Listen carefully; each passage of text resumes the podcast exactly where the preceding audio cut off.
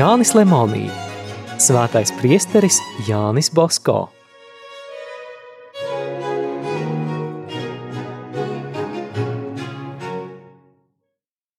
Marija Kristīgo palīdzība izlūdza tai gadā savam kalpam vēl lielāku žēlastību.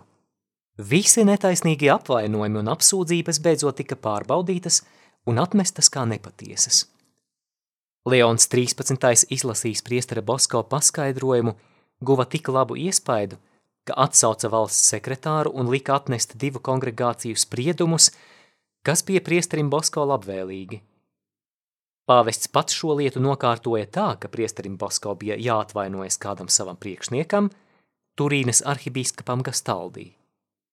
Kardināls Nino iebilda, ka tas ir pavisam nepareizi. Priesteri Bosko es pazīstu, atcirta Leons 13. Viņš ir īsts svētais. Sāpīgo spriedumu priesteris Bosko laipni pieņēma un savam apsūdzētājam atvainojās. Tas priecīgs un izbrīnījies paziņoja pāvestam par priestera Bosko paklausību. Leons 13. viņam vēsi atbildēja, Taisnīgi lietu izspriežot, jums bija jāatvainojas, bet nevis viņam. Tomēr es pavēlēju priesterim Bosko atvainoties, jo jūs tāpat nebūtu klausījis. Es jau teicu, ka priesteris Bosko ir svēts cilvēks.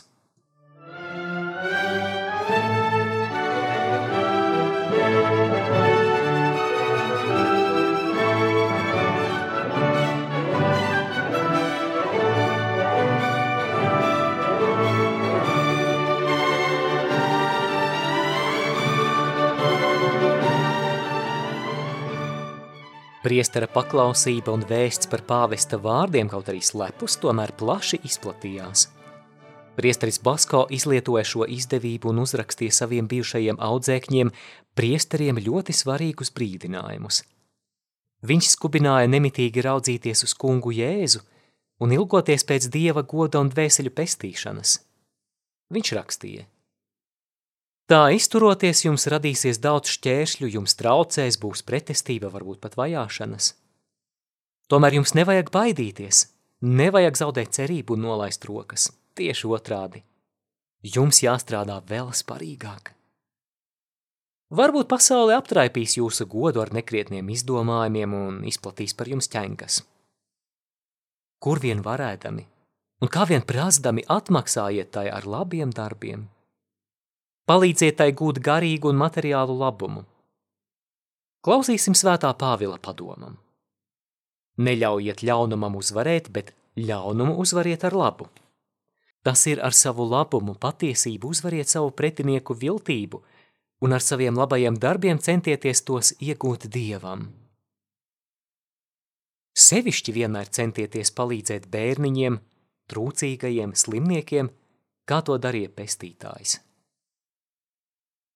Tā jūs aizvērsiet muti ķengātājiem, bet vēl svarīgāk, jūs saviem darbiem saņemsiet Dieva palīdzību.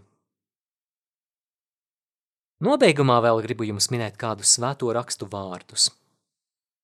Et cognovi quod non esset melius, nisi lateri et facere bene invita sua. Un domāju, ka nekas nevar būt labāk, kā būt vienmēr apmierinātam un darīt labu savas dzīves dienās. Šo teikumu īsi var izskaidrot šādi. Ļaujiet zvirbulim čivināt. Bosko ar to domāja, strādājiet mierīgi savus labos darbus, bet visādi zvirbuļi, lai dzied, ko grib.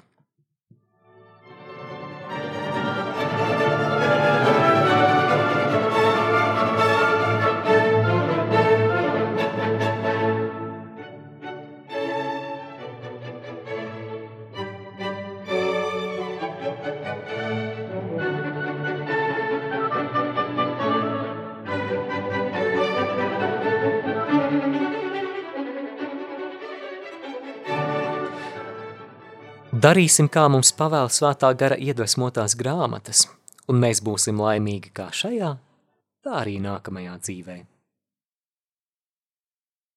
Lielas gandarījums priesterim Bosko bija tad, kad iesvētīja svētā apustuļa Jāņa baznīcu. Tas notika 1882. gada 28. oktobrī. Iesvētīja arhibīskaps Gastaldī.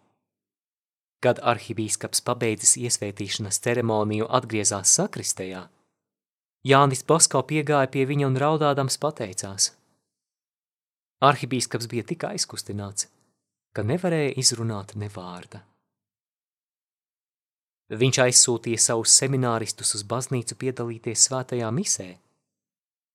Beatifikācijas procesam beidzoties varam atklāti sacīt, ka vislielākais Jāņa Bosko pretinieks daudzus gadus bija Turīnes arhibīskaps Gastaldī.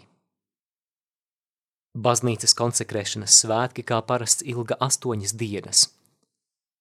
Ieradās daudz ievērojumu personu, starp tām arī Fosāno, Albī un Bjēlas bīskapi. Tomēr vissvinīgākais svētku brīdis bija pirmās dienas vakarā, kad priesteris Bosko sacīs prediķi. Pastāstīs, kas jaunās baznīcas vietā bija pirms 35 gadiem, kas ir tagad un kas būs nākotnē, Baskos prediķi nobeidz ar ķēniņa Salomona vārdiem, kas sacīti Jeruzalemes svētnīcas atklāšanas svētkos. Bariem vien cilvēki nāca apskatīt jauno skaisto baznīcu. Aiziedams katrs apstājās, lai aplūkotu lielo pie devītā statuju, ko baltā marmorā izkalis skulptors Gonfalonjē.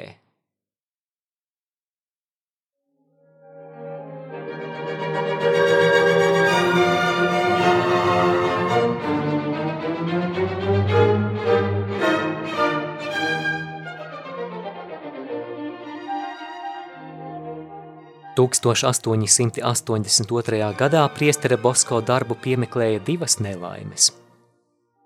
Viņš pats par to saviem labdariem raksta tā. Viena no tām mūs skāra 23. februārī, otra 27. martā. Pirmā – Salezjāņu papīra fabrikā Matī pilsētiņā notika sprādziens. Otrā – ugunsgrēks Salezjāņu baznīcā Paisandī, Amerikā. Zaudējumu sekšanai un atjaunošanas darbiem mums bija jāizdod vairāk nekā 300 tūkstoši liru, bet ko darīt?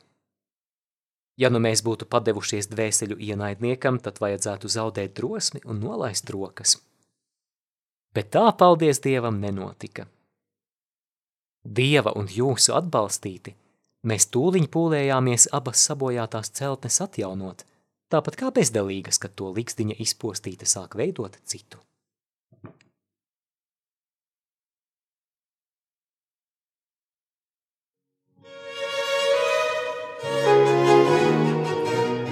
Izskanēja lasījums no Jāņa Lemonī grāmatas Svētais priesteris Jānis Bosko.